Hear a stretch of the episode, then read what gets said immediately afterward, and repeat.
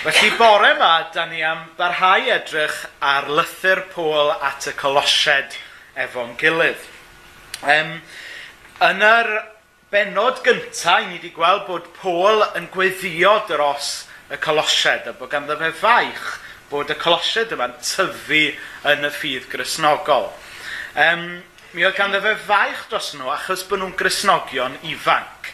Hynny yw, nid bod nhw'n llythrenol ifanc, ond bod nhw'n ifanc yn y ffydd. Mae dim ond yn ddiweddar maen nhw wedi dod i gredu yn Iesu Grist. Felly mae Paul yn defnyddio llythyr yma fel cyfle i helpu nhw i ddysgu mwy am Iesu, i wreiddio i ffydd mwy yn Iesu.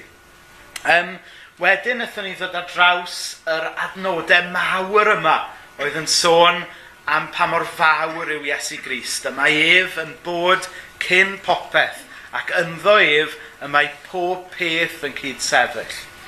A wedyn beth efnos yn ôl, wnaethon ni holi, wel, lle dwi yn ffitio mewn i hyn? Mae Paul yn siarad am y cynllun mawr yma sydd gan Iesu i'r byd ac i'r ddynoliaeth.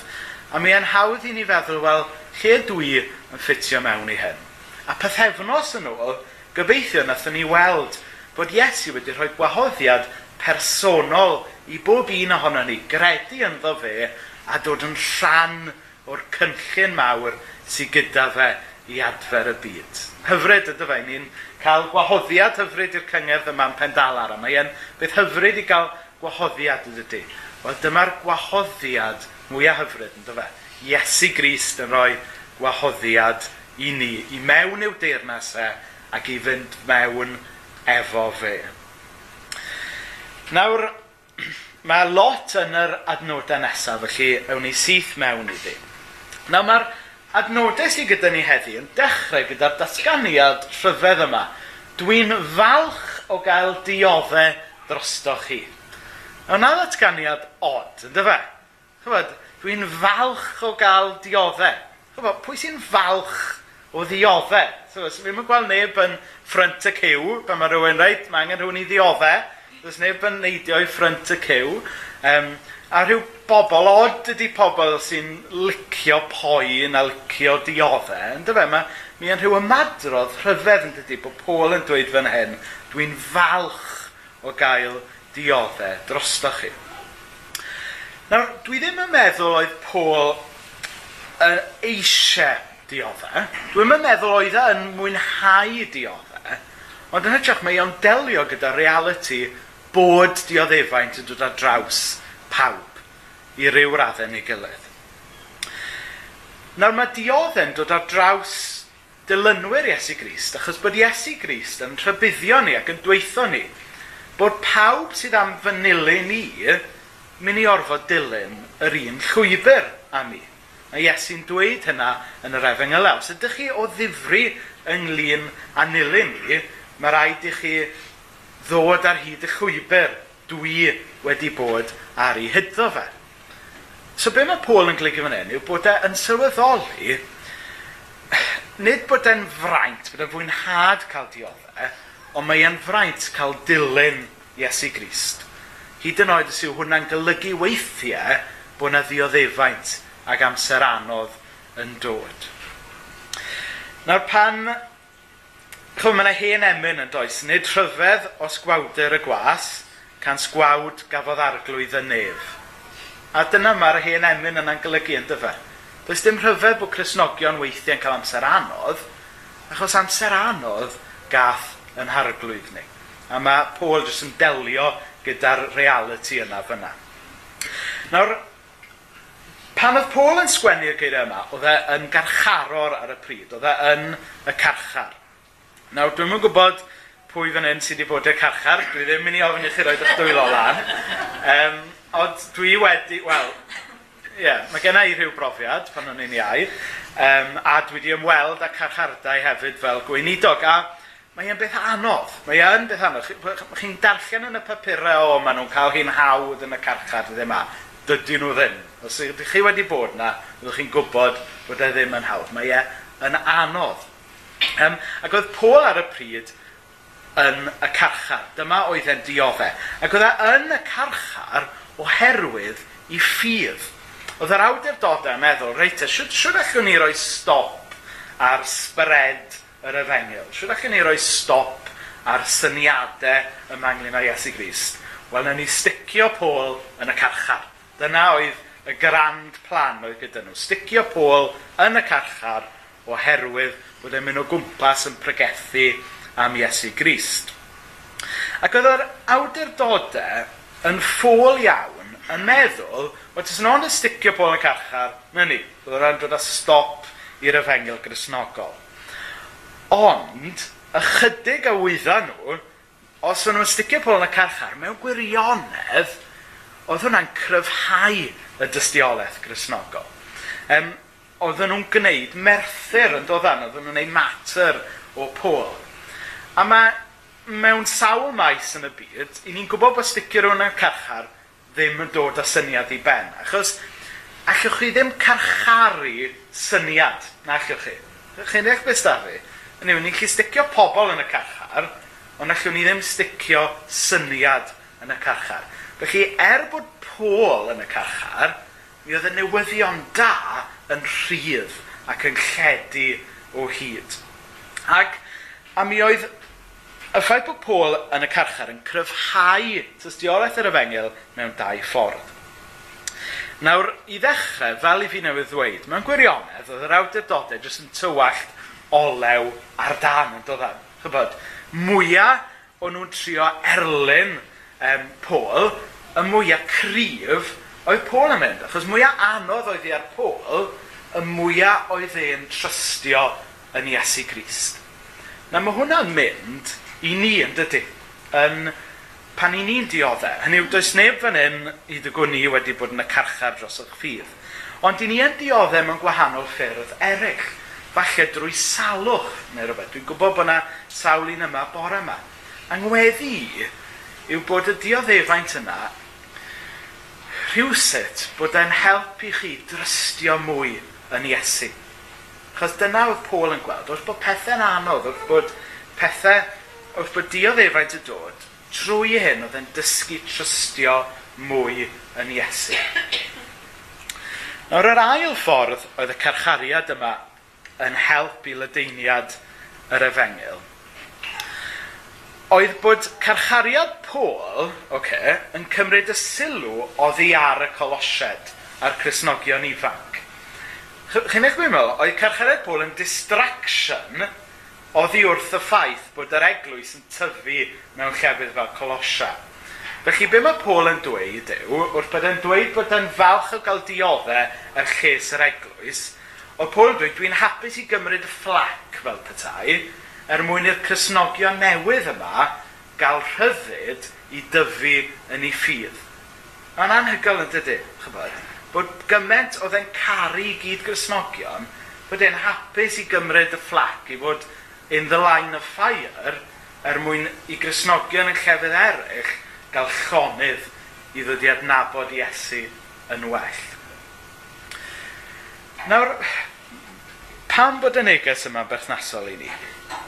Nawr, mae'n bwysig i ni fod yn agored i reality y cewn ni amser anodd weithiau oherwydd yn ffydd ni. Nawr, trwy ras dew, dydyn ni ddim yn byw mewn gwlad lle i ni'n cael yn erlyd yn gorfforol. Um, dydyn ni ddim yn mynd i'r carchar oherwydd yn ffydd yn y wlad yma, a mae'n ma bwysig i ni ddiolch i ddew am hynny. Um, Ond yn aml, chybod, mae pobl yn gwawdio ni am yn ffydd. Yn aml mae'r ffydd grisnogol yn, yn ddiwedd y joc yn dydy, yn aml. Mae pobl yn aml yn yn portreadu ni fel rhyw fwystfilod, ffundamentalaidd, digariad, diegwyddor sydd ddim yn dangos tosturi. A chybod, da chi ddim yn edrych fel bwystfilod ffundamentalaidd, da chi'n bobl hyfryd sy'n dilyn Iesu Grist. Ac felly, be dwi'n siarad dweud ydy, mewn ffordd gynnil, mi ydy ni yn cael amser anodd oherwydd yn ffyr. Dim byd i gymharu gyda be mae Cresnogion yn Iraq a Gogledd Corea a fel yna yn ei gael. Mae'n bwysig i ni fod yn ymwybodol o hynna. Ond yn aml, da ni yn cael rhyw air bach sleid i ddeud amdano ni oherwydd yn ffydd. Felly mae'n bwysig bod ni yn paratoi yn hunan tuag at amser anodd oherwydd yn ffydd. Pam? Achos bod Iesu Grist wedi dweud, os ydych chi yn fy ni, byddwch chi yn dilyn, goffa dilyn, yr un llwybr a fi.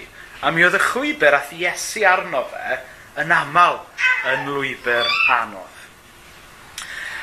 Nawr yr ail wers, dwi'n meddwl, allwn ni ddysgu o hyn, yw y busnes yma bod Paul yn fodlon cymryd y fflac er mwyn gwarchod Cresnogion fwy gwan fel petai. A dwi'n meddwl bod lle i ni sefyll fyny er mwyn gwarchod ffrindiau ni sy'n grisnogion, sy'n falle um, yn ifancach yn y ffydd, neu sy'n falle jyst yn wannach i cymeriad. Chwa, da ni gyd wedi'n creu yn wahanol, yn dydyn. Mae rhai ohono ni a croen fel rhinoceros, Dyfod, pan mae'r gweinidog yn y fian iawn wrth ddechrau'r y gwaith i goffa tyfu croen fel rhinoceros. Um, ond mae rhai ohono ni yn fwy eiddel yn does. Da ni gyd yn wahanol yn cymeriad, a clywed i ddew yn dyfa, bod e ddim wedi creu ni gyd rhywun fath. Ond mae'n bwysig bod ni fel Cresnogion yn gwneud fel nath pob, bod ni'n fodlon sefyll dros yn gilydd. Ac os da ni'n gweld Cristion ifanc neu Cristion sy'n eiddil i cymeriad, yn cael amser anodd, mae'n bwysig bod Cresnogion eraill sy'n gryfach i cymeriad yn sefyll lan a, a cymryd y fflac falle, er mwyn rhoi cyfle i'r Cristion ifancach neu'n fwy iddil i cymeriad i, i gael brec fel petai. Chi'n eich beth da fi? Beth oedd Paul yn gwneud oedd sefyll lan a cymryd gofal dros y Cresnogion ifanc a'r Cresnogion gwanach. Mae'n bwysig bod ni yn cymryd gofal dros yn gilydd yn yr un ffordd. Nawr, yr ail ran sydd gyda ni yn yr adnod yma, yw'r adnod yma sy'n mynd fel hyn. Dwi wedi dod yn was i fi, yr eglwys, am fod Dyw wedi rhoi gwaith penodol i mi. Nawr, y syniad sydd gyda ni fan yw bod Dyw yn rhoi galwad ar fywyd pob un ohono ni. Oedd Dyw wedi rhoi pwrpas, wedi rhoi gwaith i pob. Na mae'r syniad o gael um, gwaith yn rhoi urddas a pwrpas i fywyd rhywun. Nawr, dros y blynyddoedd, dwi wedi siarad gyda lot o bobl sydd wedi cochi i gwaith. A be mae lot o'r bobl yma yn, wedi dweithio fi yw bod y profiad y gochi gwaith yn brofiad anodd, nid yn gymaint oherwydd bod chi'n colli arian, ond bod e'n brofiad anodd yn seicolegol. A, a mae lot ohonyn nhw'n dweud bod rhan ohonyn nhw wedi mynd fel petai, neu bod rhan o'i cymeriad nhw rhywsut wedi cael ei gochi wrth i nhw gochi i gwaith. Um, nawr, o'n i yn Berlin pen wythnos diwetha. Oedd gen i sil rhydd, felly eis i am enna ar, am ben wythnos i Berlin. Oedd yn le hyfryd iawn, ond oer iawn. Felly os da chi'n mynd yna, cofiwch yn y sgarff. Rai fi wisgo long, o rai fi brynu long johns i ddweud. Roed di gwisgo long johns o blaen, ond be bynnag. Nawr, oedden nhw'n siarad Almeineg yn Berlin, um, fel i chi'n gwybod, mae gen i rhywfaint o Almaeneg? Na, ddim go iawn. Mae'n y Deutsch nicht gut. Um, beth bynnag, yn yr iaith Almaeneg, um, pan maen nhw'n siarad am swyddi ac yn y blaen, mae'r pwyslais yn wahanol nag yw e yn, yn iaith ni.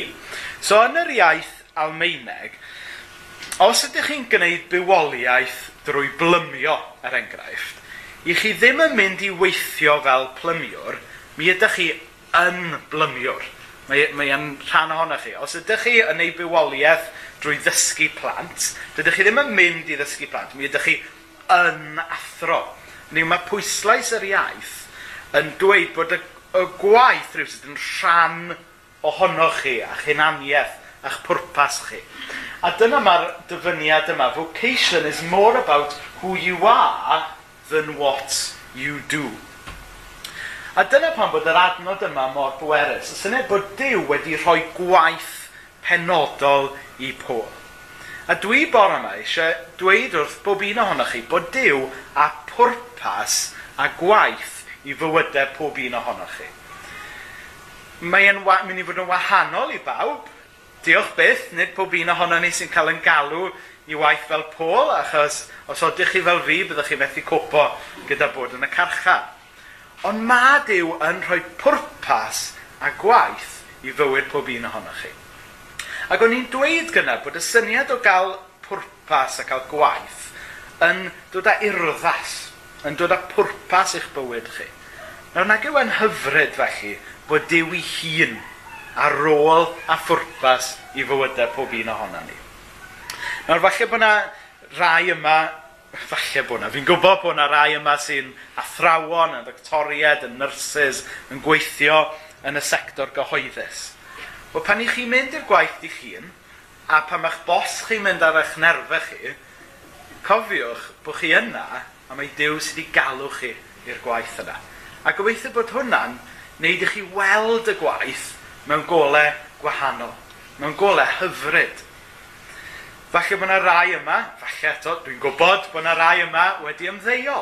Wel chybod, peidiwch chi meddwl bod chi rhywbeth off yr hwc nawr, chybod?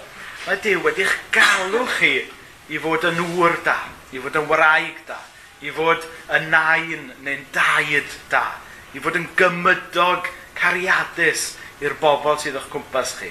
Mae Dyw wedi'n galw ni i fod y bobl yma, i wneud y gwaith yma fod yn pwy ni er mwyn dangos cariad Iesu i bobl yn cwmpas ni.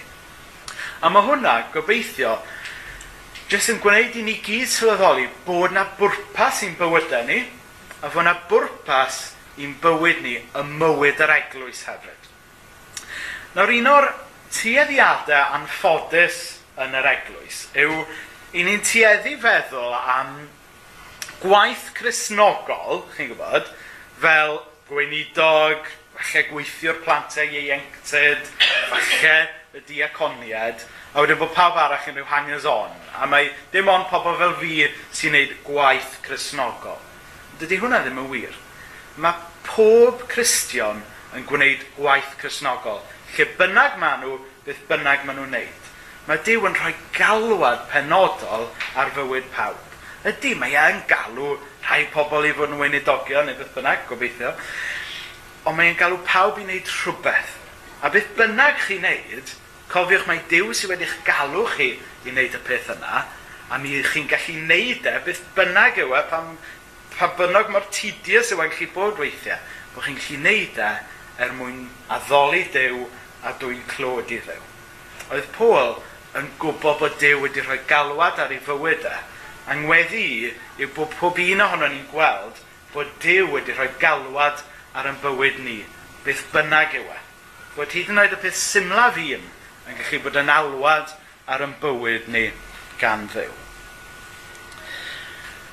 Na mae'r gair yn mynd ymlaen wedyn i sôn am y cynllun dirgel yma. Dyma'r cynllun dirgel gafodd ei gadw o'r golwg am oesoedd a chenedlaethau lawer – ond sy'n bellach wedi ei ddangos i bobl ddiw. Mae Dyw wedi dewis dangos fod y dirgelwch ffantastig yma ar gyfer pobl o bob cenedl. Felly mae Paul yn sôn fan hyn nawr beth yw y newyddion da sydd gyda fe i rannu gyda'r colosiad a sydd gyda'r eglwys i rannu gyda'r byd. Ond mae'n ddiddorol bod e'n sôn bod y newyddion wedi bod yn ddirgel i ddechrau. Nawr, um, dydd mercher diwetha, oedd yr um, canghellor yn neud i autumn statement. Felly, wnaethoch chi glywed amdano fe ar y newyddion neu yn y papur. Nawr, am ddyddiau cyn hynny, oedd na sybrydion yn y papurau newydd ac ar y newyddion be fydde yn y datganiad. Oedd pobl a rhyw syniad beth oedd yn y datganiad. Oedd y canghellor i hun yn gochwn hint hints mewn cyfweliadau be fydde yn y datganiad. Ond wedyn, fe ddath y dydd pan nath yr hyn oedd yn ddirgel, ond y pobl yn gwybod bach amdano fe, ddod yn hollol glir i bawb. Nawr mae'r stori yn gorffen fyna, achos newyddion drwg oedd gan y canghellor, yn dyfa. Ond mae'r dirgelwch ddath yn hysbys i ni y newyddion da, yn dydy.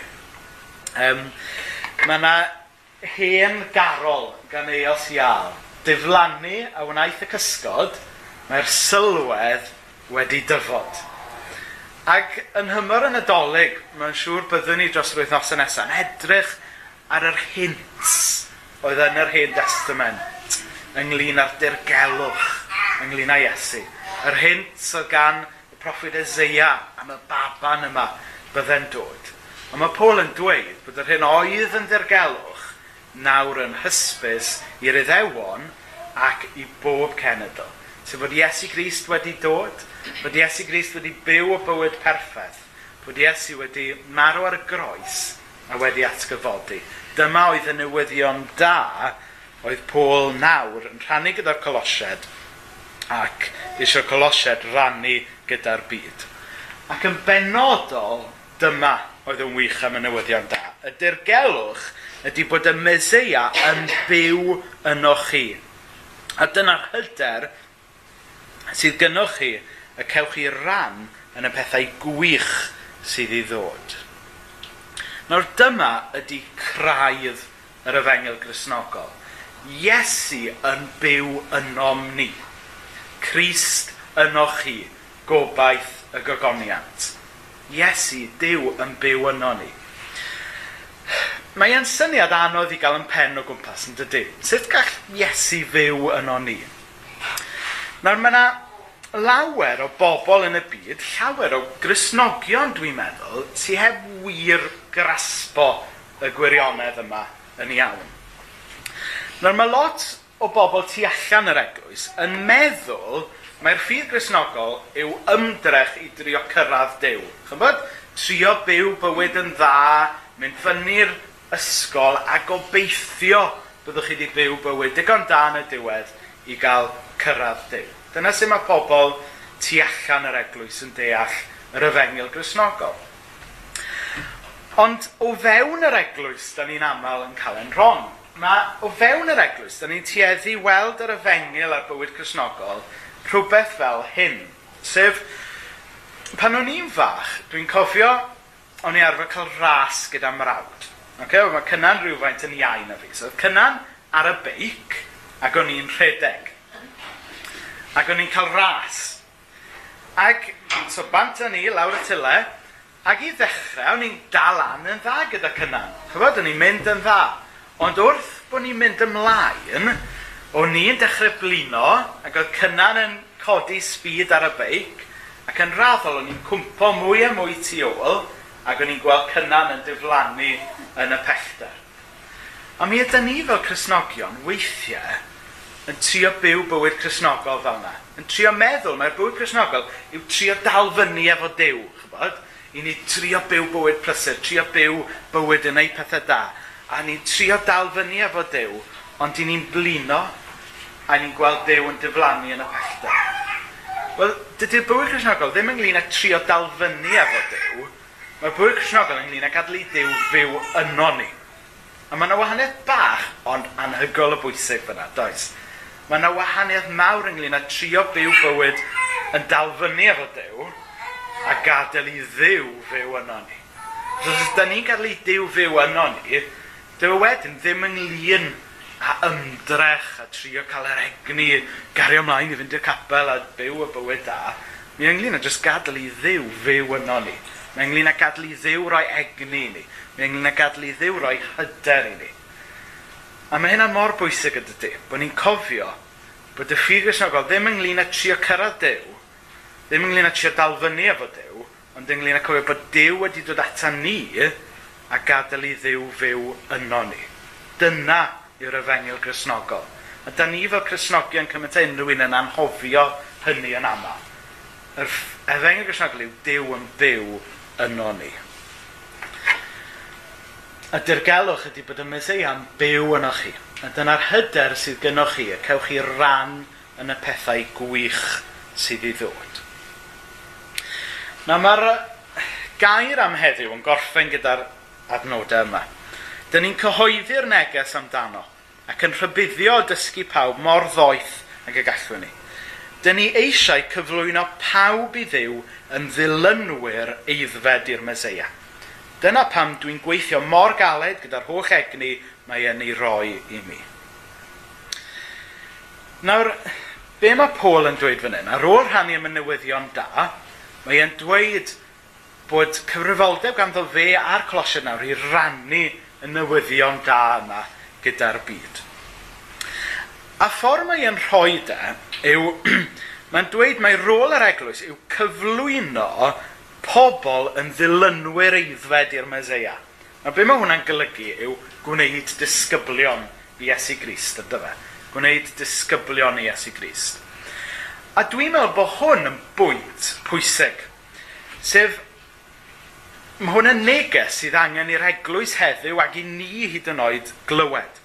Sef mae cenhadaeth yr eglwys grisnogol yw gwneud disgyblion i Iesu Grist. Nawr, mor aml byddai'n cymlethu hwn. A byddai'n darllen hwnna fel, o oh, reite, um, yn rôl ni ydy cael mwy o bobl i ddod i'r capel. Neu yn rôl ni ydy cael mwy o aelodau ar lyfrau yr eglwys, chybod. Mae, mae, dyna mae Dyw eisiau, mwy o, mwy o enwau ar y llyfrau. Ond nid dyna mae gwneud disgyblion yn golygu, yn y gyfer. Chybod, mae cael mwy o aelodau yn handi pan i ni'n gofyn am grant gan undeb y byddyddwyr. Dwi'n mynd deud dim chai. Ond nid dyna mae Dyw eisiau. Mae Dyw eisiau ni wneud disgyblion. Pobl sy'n mynd yn ddyfnach yn ei ffydd yn Iesu pobl, nid sy o heidrwydd jyst yn tralanu'r capel pob dydd syl, ond pobl sydd wir yn dilyn Iesu bob dydd o'r wythnos. Mae Iesu eisiau disgyblion sydd yn ei ddilyn. Ystyr disgybl ydy nid rhywun sydd yn dysgu oddi wrth yr athro, ond rhywun sydd yn dilyn yr athro, yn dysgu byw fel yr athro. A'n athro ni ydy Iesu Grist. Felly ystyr bod yn disgybl, ydy nid o'r rheidrwydd dysgu be oedd Iesu'n dweud, ond dysgu byw fel oedd Iesu yn byw. Mae Iesu eisiau pobl sydd yn byw yn ôl gwerthodd i deyrnas e. Mae Iesu eisiau pobl sydd yn byw mewn ffordd sy'n dangos cariad Crist i bobl eraill. Felly er bod e'n hyfryd bod ni yn gryw da yma bore yma, be mae Iesu eisiau fwy na dim yw bod ni'n ddisgyblion iddo fe pan ni'n ni allan yna yn y byd yn dyfa.